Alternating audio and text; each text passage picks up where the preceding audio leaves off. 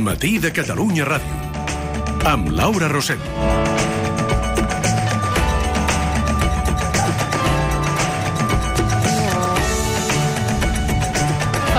N'estem parlant ja d'aquesta fusió entre CaixaBank i Bankia, que genera molts interrogants, molts dubtes. Qui pot garantir, per exemple, que la primera entitat financera de l'Estat no hagi de ser rescatada amb diner públic si torna a haver una crisi econòmica? O amb quins paràmetres es farà la integració? O si pujaran les comissions als clients? O si hi haurà més fusions per al sector? O a qui li interessa que hi hagi aquest tipus de, de fusions? Són moltes les preguntes que, que se'ns generen arran d'aquesta notícia. Per això hem convidat avui en Joan Antoni Melé. Molt bon dia. Hola, bon dia.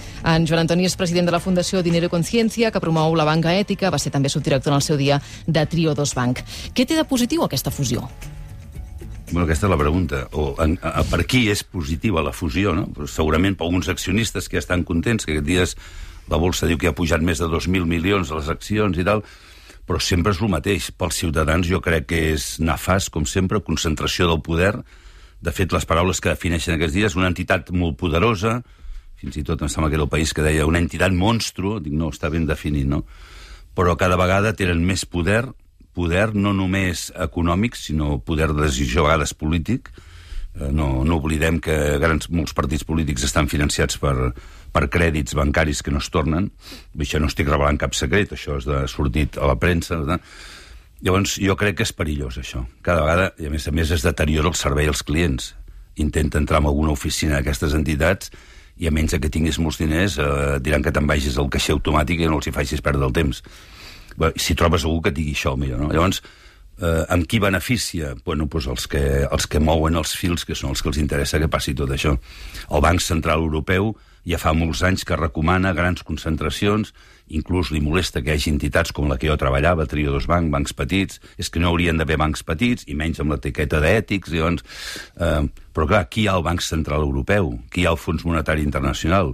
Exdirectius de Goldman Sachs d'aquests llocs, els que es reparteixen sempre el mateix model. Per tant, eh, la pregunta no te la sabria comptar. A qui beneficia? Els ciutadans? Segur que no. Per tant, el, el consumidor, això és el que et volia preguntar ara, el consumidor, a la gent de peu de carrer, um, que es creïn bancs cada cop més grans no, no li va bé. Bueno, no, no crec que li benefici en res. Al contrari, cada vegada tens menys opcions. De totes maneres, tot això passa perquè la gent segueix bastant adormida, no? O sigui, jo me'n recordo que quan vam tenir tant èxit aquí amb Trio 2 Banc, que venien, bueno, milers de persones i ens felicitaven, jo pensava que, que a hores d'ara ja tindríem dos o tres milions de clients, no? No arribem a 300.000. Perquè tothom li entusiasma el que fem, però la gent no canvia de banc. Per què? Bueno, bueno, perquè pues, la, la mandra, la rutina, la costum, i els dic, bueno, què més us han de fer? Què més us haurien de fer? Perquè un dia digueu, prou, canvio, no? O sigui, no sé, a vegades la sensació que ens han hipnotitzat i, i ens faran el que sigui i anirem aguantant. I mira que és fàcil canviar de banc, eh? O potser la por, també, no? Ara, La por, què? En aquests moments, no?, que estem en aquesta crisi que tothom ens diu que serà uh, tan greu i tan profunda per culpa del coronavirus, no només, eh?, perquè ja veníem arrossegant problemes uh, d'abans. I sentim el govern espanyol, sentim el Banc Central Europeu, sentim fins i tot comissions obreres, eh, que és el, el sindicat majoritari de les dues entitats, que diuen no, no, és que aquesta fusió va molt bé perquè uh, dona solidesa, perquè estem en un moment de molta incertesa. Sí, però mira, per seguretat, com va haver la crisi del 2008, aquella tan forta, que van quebrar totes les caixes d'estalvi i tal, l'única entitat que no li va afectar gens la crisi va ser la banca ètica. Perquè la primera ètica és no especular amb els diners de la gent. Malgrat tot el que ha passat, que ha sigut greu, a tot el món, no només a Espanya, avui actualment l'economia mundial, més del 99% dels diners que es mouen cada dia al món, el sistema financer és especulació. Productes estructurats que no saps ni els directius que ho venen saben el que estaven fent les bolses pugen, baixen, cauen... És dir, ja, però, però milers de projectes que haurien d'estar ben financiats no estan. Per això dic que seguretat, bueno, ara aquests, si t'hi fixes, diuen que volen arribar a tenir un ràtio de solvència entre el 10 i l'11, com un objectiu... Què vol dir un, un ràtio de solvència? La proporció entre recursos propis i recursos veïns. És a dir, com una seguretat si passés alguna cosa. A la banca ètica estàvem a 17-18 de ràtio de solvència, o sigui, pràcticament el doble. O sigui, que el que hi entén, seguretat més gran no vol dir més segur, eh? Grans gegants han caigut. O com deia un, si tu et guies per l'ombra, vigila que no confonguis un enano amb un gegant. O sigui, gegants, però amb peus de fang, perquè el muntatge que tenen és molt especulatiu. Banesto, en la seva època, era el banc més gran d'Espanya, va caure. O sigui, la seguretat no és que sigui molt gran, és com fas les coses, quina ètica, economia real. Avui no treballem amb economia real, treballem amb economia especulativa. Per tant, beneficiarà doncs, els que saben moure abans fitxa i que saben comprar i vendre quan toca, i del que ja va passar quan les preferents i tal, els grans clients els avisaven perquè traguessin els diners que no els afectés la crisi. No? I què passa amb el rescat dels bancs? Té, quin sentit té rescatar és la pregunta un banc amb sempre. diners públics? Perquè això eh, pot ser que torni a passar amb aquest banc que s'està formant ara. Podria passar perfectament. De fet, un dels que es fusiona està participat pel tant, Vull dir, està, sí. Que no sé per I què no... que no recuperaran. El Luis de Guindos ja, ja ho deia avui mai, mateix, que en gran part no es Però recuperaran. Com que no passarà res, perquè la gent no protestarà... Poden durar quatre dies, les protestes. Això és el que a mi em sorprèn, no? Llavors, eh, pot ser que s'hagi de tornar a recuperar. Sí, per què no? Però no direm res, anirem aguantant, no? Perquè dic, qui mou les decisions... Eh, si estem en una democràcia, ens deixen votar cada quatre anys, i és l'única diferència en la dictadura, que abans d'obeir, cada quatre anys ens deixen votar, però... No, és així, eh? no, no, no, no vull ser crític, però he estat a dins d'aquest món i es, qui pren les decisions eh, estan moltes vegades per damunt dels poders polítics.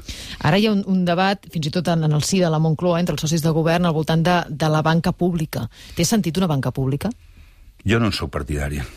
Jo no sóc partidari perquè, de fet, les caixes, gran problema que van tenir és perquè estaven massa participades per poders públics. És a dir, públic, si públic vol dir controlat pels partits polítics, estem venuts. Malament. A les caixes hi havia partits polítics, hi havia sindicats, eh? no va ser garantia de res. No van controlar res, tampoc. Per tant, jo sí que seria partidari de posar només et diria, per exemple, amb dues regulacions. Una és una llei de transparència radical, que els bancs estiguessin obligats a, a publicar a quin tipus d'empreses, a què financien i on ho estan fent, que fos totalment transparent, i un control de l'especulació, que tu no puguis estar comprant i venent coses el mateix dia, perquè això provoca aquests daltabaixos. Mm. Només amb això m'agradaria pensar que la gent, si vegués segons quines coses, ja no ho permetria, no? Però pensar que lo públic serà lo saludable, mm, més aviat sóc partidari que ni l'economia es posi en política ni la política en economia. Igual que sóc partidari que la política no es posi en educació. Tothom vol fer el seu... Perquè tot el que vivim és un resultat de plans d'educació. Per què hi ha tanta corrupció, tant d'allò? Preguntem-nos com vam educant els nens fa uns anys enrere perquè avui estiguem així. Doncs jo crec que cultura, o sigui, educació, política, economia, haurien de ser autònoms i relacionar-se de manera adequada. No? Per tant, públic no... Ara, controlats, sí. Si no es poden prendre decisions que perjudiquin els ciutadans.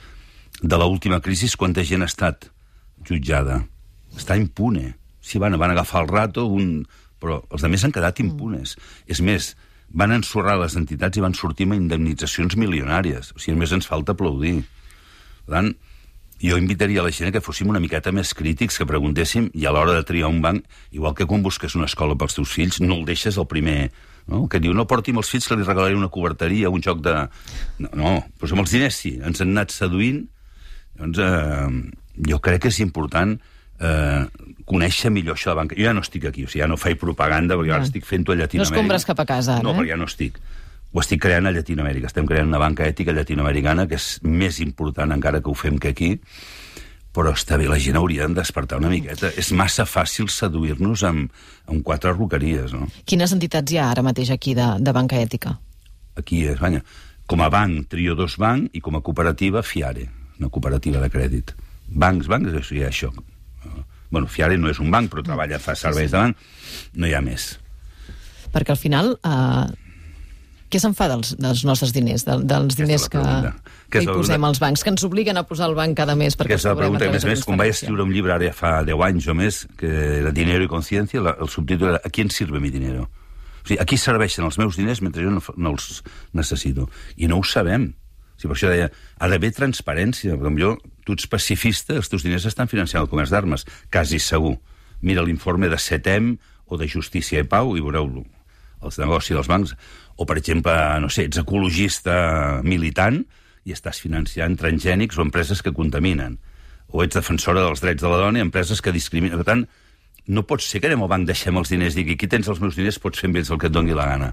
És que no podem. Sigui, els, els bancs no tenen diners, eh?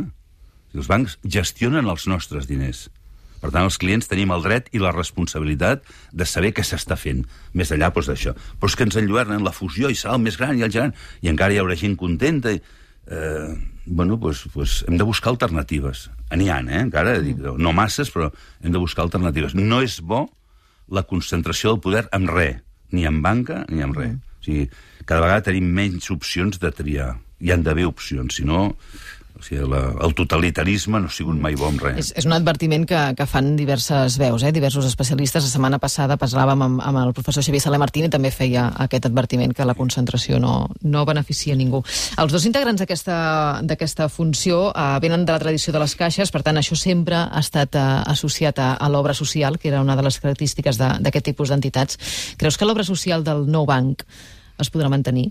Però és que obra social, deixa'm no ser massa crític, tampoc vull ser massa... D'acord, què entenem per obra social? Però, o sigui, fer obra social és una cosa que pot enlluernar. Deixa'm que posi un exemple una mica brutal, que no té res a veure, no? Però jo vaig molt a Colòmbia. Pablo Escobar feia molta obra social. Home, déu nhi quin exemple no, no, anat a buscar. No, no vull comparar-ho, eh? Però l'adoren, li posen el tas, perquè feia obra social. Ja, però d'on treia els diners? Llavors, l'obra social, amb, amb quin tipus de negocis s'han fet aquests beneficis? No ho sabem. Per tant, no ens deixem enlluernar amb l'obra social. Una part, una part minsa dels beneficis fan obra social. Està bé, sembla bé, però ja no són caixes, eh? A Espanya no queden caixes, en queden dos. Una petita, un tinyent, i una pollença, Caixa Colònia. Són dos petitetes. El més són bancs, és Caixa Banc, i és Bànquia i tal. Llavors fan, fan coses, però les fan servir de publicitat. És publicitat encoberta. Per tant, eh, no ens enlluernem amb això. O sigui, la clave és la ètica la transparència total, si no, no hi ha sortida. El Joan Antoni Melé acaba de publicar un llibre que es diu Seres humanos o marionetes. Sí, és el primer d'una trilogia. Bueno, per això ho deixo en forma de pregunta. No? Això té a veure, no té res a veure amb la banca, o sí, amb uns cursos que jo vinc donant ja fa bastants anys, que els dic tallers de consciència. Ho faig a vegades per empreses, a vegades ho faig per particulars, on convido a un treball d'autoconeixement. O sigui, hem de dedicar un temps diari a l'autoconeixement, al silenci, la meditació, perquè si no connectes realment amb el teu ésser interior, és molt fàcil que ens manipulin, que és el que està passant avui. Per tant, convido en aquests tallers a fer aquestes preguntes. Jo treballo molt en preguntes, com en Sòcrates, no? i convidar a connectar, perquè si no vivim només pendents de...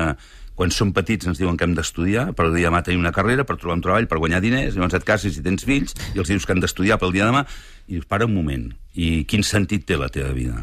I a vegades hi ha gent que quan els hi pregunto això se'n posen a plorar. Dic, hosti, pues fumuda, no?